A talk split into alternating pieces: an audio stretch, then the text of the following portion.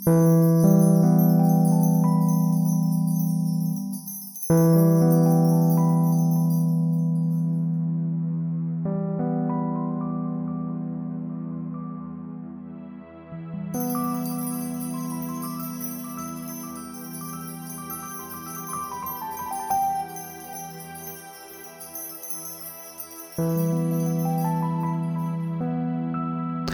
अति नै भोक लाग्यो। खाजा दिनुहोस् न। न्यानो घाममा ढाड सेकाउँदै कालो डल्ला बनाइरहेकी लक्ष्मीलाई आफू स्कुलबाट आइपुगेको सूचना मोती यसरी दिन्छे। खाजा चुल्हामाथि छ निकालेर खा। अन्त खाएको भाँडाकुँडा पखाल पुखुल पारिराखै नानी। हुन्छ आमा त्यसपछि तपाईँलाई मिठो चिया बनाएर ल्याइदिन्छु ल। सानी छँदा खुबै आज्ञाकारी तर उमेर बढ्दै जाँदा केही हठी साथै उसको माग पुरा नहुँदा दिनभरि गुम्म फुलिएर बस्ने छोरीमा अहिले देखिएको परिवर्तनले आज अवश्य पनि यसले कुनै माग राख्छे भन्ने पूर्व सङ्केत लक्ष्मीलाई दिएको हुँदा सोच्न थाल्छे। छोराछोरी त बालखा हुँदा नै सजिलो जति ठुलो हुँदै गए उति उनीहरूको महँगो माग पनि बढ्दै जाने। भएन बिग्रने नासिने डर एवं चिन्ता पनि आमा बाबुले बोकिरहन पर्ने। तर जे जस्तो भए तापनि हामीले माया पाइने त छोराछोरीबाटै हो। सन्तान जस्तो ठुलो धनहरू केही होइन। यदि कुबाटोमा लागिदिएन भने तर के गर्नु अहिलेको विषाक्त हावाबाट जोगाउनु पो कसरी? आमा भन्ने शब्दले लक्ष्मीको ध्यान उल्टा प्रभावित हुन्छ। चिया लिएर मुस्कुराउँदै आफूतिर आउन लागेकी कमल झैँ सुन्दर छोरीलाई देखि लक्ष्मी मनमा नै भन्छे अहो मेरी मोती कति सुन्दर। यसलाई हेर्दा म गरिब एक पाखे आमाले पालेकी छोरी भनी कसले भन्न सक्छ? रूप गुण पढाइ गुनाइ केहीमा मेरी छोरी कम छैन। बढ्दै जाँदा स्वभाव त बदलने नै भयो।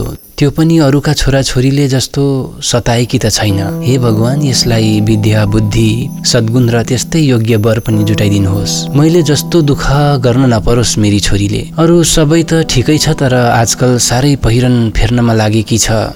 म घर चलाउनेलाई कहाँसम्म छ त्यो बुझ्ने कोसिस गर्दिनँ। बिचारो भाइ चाहिँ सानैमा मामासित परदेश लाग्नु पर्यो। कठै मेरो छोरा अहिले कहाँ के गर्दै होला? एकचोटि हेर्न पाए पनि हुन्थ्यो। पुत्र स्नेहले लक्ष्मीको हृदयमा तीव्र व्याकुलता मडारिन थाल्छ। आमा तपाईँलाई रातभरिभरि खोकी लाग्छ। चिसो किन खेलाउनु भएको? के गर्नु छोरी? रहरले कि करले? यस्तो मैला काम गर्दा तिमीहरूको नङ बिग्रन्छ हात बिग्रन्छ।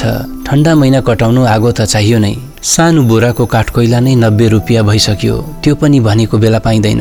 अन्त नगरी भएर निरुत्तर मोती आमालाई चिया पिउन दिएर उसको पिठ र केस मुसार्न थाल्छे। केही बेरपछि सानो नानी जस्तो टाँसिएर आमाको वाइ खेलाउँदै भन्छे आमा एउटा कुरा भन्छु।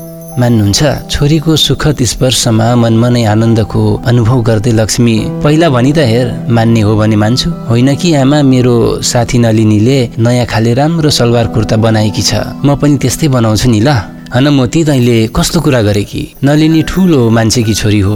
उसलाई पात पातै लुगा फेरे पनि पुग्छ। तर हामी जस्ताले उनीहरूको दाँजो गरेर हुँदैन। आफ्नो घाँटी हेरेर हाड निल्नुपर्छ। एक वर्ष पनि नभई चार चार जोडी लुगा बनाइसकिस्। त्योसित जुत्ता पनि चाहियो। मैले कसरी सक्नु भन्छ नानी? चार जोडी त होइन है आमा पनि। किन होइन? पोहोर दसैँमा त्यो धोती सलवार कुर्तापछि पतलुङ मिडी फेरि सलवार कुर्ता गर्दा चारपल्ट भएन। मेरी ज्ञानी छोरी यसो मेरो अप्ठ्यारो बुझिदे। यसपालि दुईवटा सिरकको खोल च्यादर नकिनी भएको छैन। पैसा त रुखमा फल्दैन बाबु। मोती विनय भाउमा यसपालि मात्रै आमा बरु दसैँमा नबनाइदिनुहोस्। त्यो लुगाले मलाई राम्रो देख्छ र पता। सुनिस मोती मानिसलाई राम्रो देख्ने त लुगा फाटा होइन। उसको चालचलन शील स्वभाव र चरित्र हो। त्यसमा ध्यान दिएर तिमीहरूले सुन्दर बनिने कोसिस गर्नुपर्छ। घरिघरि नयाँ पहिरन फेरिरहनु पनि एउटा नसा जस्तै हो। लुगाफाटा नकल झकल भन्दा पढाइमा बढ्ता ध्यान लगा। पढिसकेर राम्रो काम दाम समातेर आफ्नो कमाइमा जे जे मनपर्छ खानु लाउनु घुम्नु। पछि भाग्यमा के छ भन्न सकिँदैन। अहिले साधारण भएर हिँडेकै राम्रो है नानी। आफ्नो पराजयमा मोतीको पारा उक्लिएर रातो पिरो बन्दै के भन्न लागेकी थिए बिचैमा कुरा काटेर लक्ष्मीले कडा स्वरमा भनी सानैदेखि तँलाई मैले आफूभन्दा धनीको होइन गरिबको सङ्गत गर भनी सम्झाएकै हो। तेरो साथी कमलालाई हेर। साँझ बिहान घरको पुरा काम गरेर स्कुल जान्छे। घर आएर त्यत्रो केटाकेटीलाई ट्युसन पढाउँछे। आमा बाबु छैनन्। काका काकीलाई रिजाउन उसले कति दुःख गर्नुपर्छ। फेरि एकछन समय खेरो फाल्नु छैन। जेलाको बुनाइ त सधैँ उसको हातमा झुन्डिएकै हुन्छ। कमलाबाट तैँले धेरै कुरा सिक्नुपर्छ बुझिस। चोसो तेसार्दै मोती भन्छे। भयो मबाट चाहिँ त्यो सब हुँदैन। पढी पनि दिनु गोरु जस्तो दलिनु पनि। कसले सक्ने? पढी पनि दिनु अरे? मेरो लागि पढिदिँदैछ छैन? याद राख मोती। यदि म आमा नभए सबै कुरा आफै चाख्ने थिइस्। हो त जहिले पनि पैसाको अभाव मात्र देखाउनुहुन्छ। हाम्रो बाबाले भाइ र मेरो लागि ब्याङ्कमा पुरा पैसा राखिदिनु भएको छ भनी आफैले भन्नुभएको होइन? लक्ष्मी छागोबाट खस्छे। साँच्चै मैले त्यो झुट बोलेकै हो। किन? किन? कारण यिनै छोराछोरीलाई साथी सङ्गीको सामु असहाय एवं हिंताको भावना नहोस् भनेर। तर तर मैले ठिक गरिनछु। आज लक्ष्मीलाई छोरी अघि सम्पूर्ण सत्य प्रकट गरिदिन मन लाग्छ। बोल्ने चेष्टा गर्छे तर कुनै अदृश्य शक्तिले त्यसमा बाधा पुर्याउँछ। फेरि चेष्टा गर्छे तर कण्ठसम्म आइपुगेका वाक्य लहर बोलिदिन गरौँ जिब्रोले अस्वीकार गरिदिन्छ। त्यहाँ सुनिन्छ एक विवश नारीको एक दीर्घ निश्वास मात्र। आमाको मौनताले आड पाएकी मोती त्यस्तो खाना लाउन दिन नसक्नेले जन्म किन दिन पर्यो? पारिजात मोतीको यो आक्रोश लक्ष्मीको हृदयमा मर्मभेदी बान भई रोपिन्छ। अहो बालकै सम्मेकी छोरी यति अघि बढिसकी। भक्कानो फुटेर निस्केको तातो आँसु रोक्न असमर्थ। लक्ष्मी रिसले गोडा बजार्दै घरभित्र पस्न लागेकी मोतीलाई हेरिरहन्छे। उसको मुखबाट अनायासै निस्कन्छ हे मायालु पापी तिमी कहाँ छौ? कहिले आउँछौ? किन मलाई अलपत्र पार्यौ? अगाडि प्राय सधैँ जस्तो कोठेबारी फुलबारी घरको काम या त सिलाइ बुनाइमा व्यस्त रहने आमालाई मोती हिजआज पाठशालाबाट फर्कँदा ओछ्यानमै बसेर के के गरिरहेकी भेट्छे। प्रतिदिन दुब्लाउँदै गएकी लक्ष्मीमा अब त्यो जोस त्यो स्फूर्ति एउटै छैन। एक दिन केही लेखेर खाममा हाल्दै गरेकी बेला मोती टुप्लुक्क आइपुग्छे। उसको उत्सुकता पोखिन्छ आमा के लेख्नु भएको? म पनि पढ्छु नि। मामालाई चिठी लेखेको नानी। हामी दिदीभाइको सल्लाहको कुरा छ। केटाकेटीले पढ्ने होइन। अर्को दिन आमा साह्रो भएको खबर पाठशालामै पाएकी मोती बेगले कुदेर घर पुगी आमालाई छाँद हाल्छे। करुण विलापमा परिणत हुन्छ उसको मातृवियोगको असहाय कल्पना। तर हुने हुनामी भएरै छोड्छ। लक्ष्मीको मृत्यु संवाद गाउँभरि फैलन्छ। घरमा ओहिरो लाग्छ उसको असामयिक मृत्युमा शोक व्यक्त गर्दै सहानुभूति दर्शाउनेहरूको।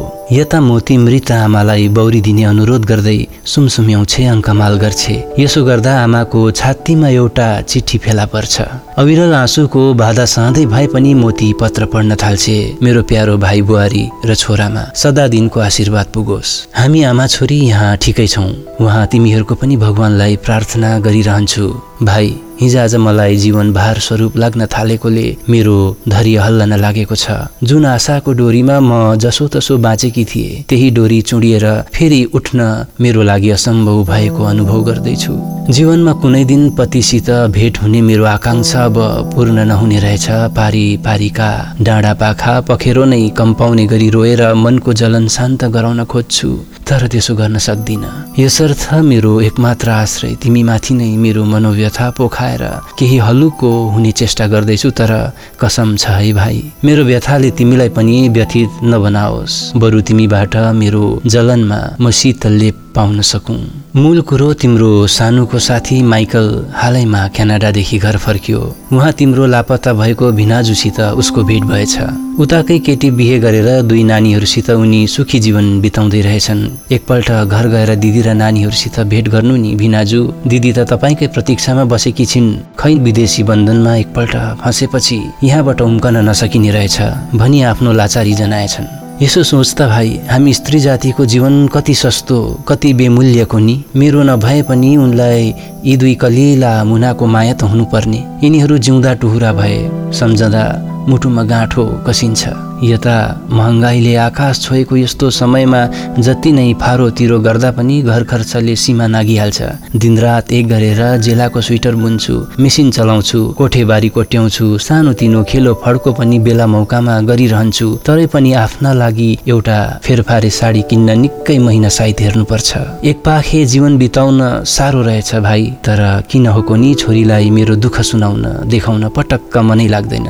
यस्तो कुराले उसको कलिलो हृदयमा कुनै असर नपरोस् भनी म सधैँ सावधान रहन्छु। आफू अनेक कष्ट गरेर पनि उसलाई राम्रै खाना लाउन दिन मन लाग्छ। सायद हामी आमा बाबुको सबैभन्दा ठुलो कमजोरी नै यही नै होला। धन्य मेरो भाग्यले भाइ बुहारी दुवै बुझकी पाएकी हुनाले मेरो छोराको जिम्मा लिदियो आफ्नै छोरा सम्झेर त्यसलाई मान्छे बनाइदेऊ। म सदा तिमीहरूमाथि आशीर्वादको वर्षा गरिरहनेछु। अरू त म के गर्न सक्छु र? अब अन्तमा एउटा बिन्ती यो दसैँमा तिमीहरू जसरी पनि आउनु म बाटो हेरिरहनेछु। जीवनको के भरोसा होइन भाइ? फेरि अर्को कुरा म पछि मोतीको पनि मामा माइजो होइन आमा बाबु तिमी दुई नै भइदिनुपर्छ। अब अन्तमा तिमीहरू सबैलाई हार्दिक प्यार माया र आशीर्वाद। इति सदा मङ्गल चाहने दिदी लक्ष्मी। पत्र पढिसकेर मोती बहुली झैँ हुरिएर घरभित्र पसी। आफ्नो बाकसबाट जम्मै लुगाफाटा झिकेर आँगनमा थुपारी त्यसमा माचिस के लगाउन आँटेकी थिए झट्ट काकाले। उसको हात ट्याप्प समाउँदै भन्यो हन यो के गर्न आँटेकी पग्ली? मेरी देवी जस्ती आमालाई सताएको प्रायश्चित काका यो मेरो प्रायश्चित। लुगा पोलेर पनि प्रायश्चित हुन्छ र? आमाले दिएको अर्थी बुद्धिमा अब यो जीवन ढाल्ने कोसिस पो गर्नुपर्छ त। आमा बाबु बाँचुन्जेल आँखा देख्दैनौ नानी हो। मोतीका कानमा आमाका कुरा गुन्जन थाले।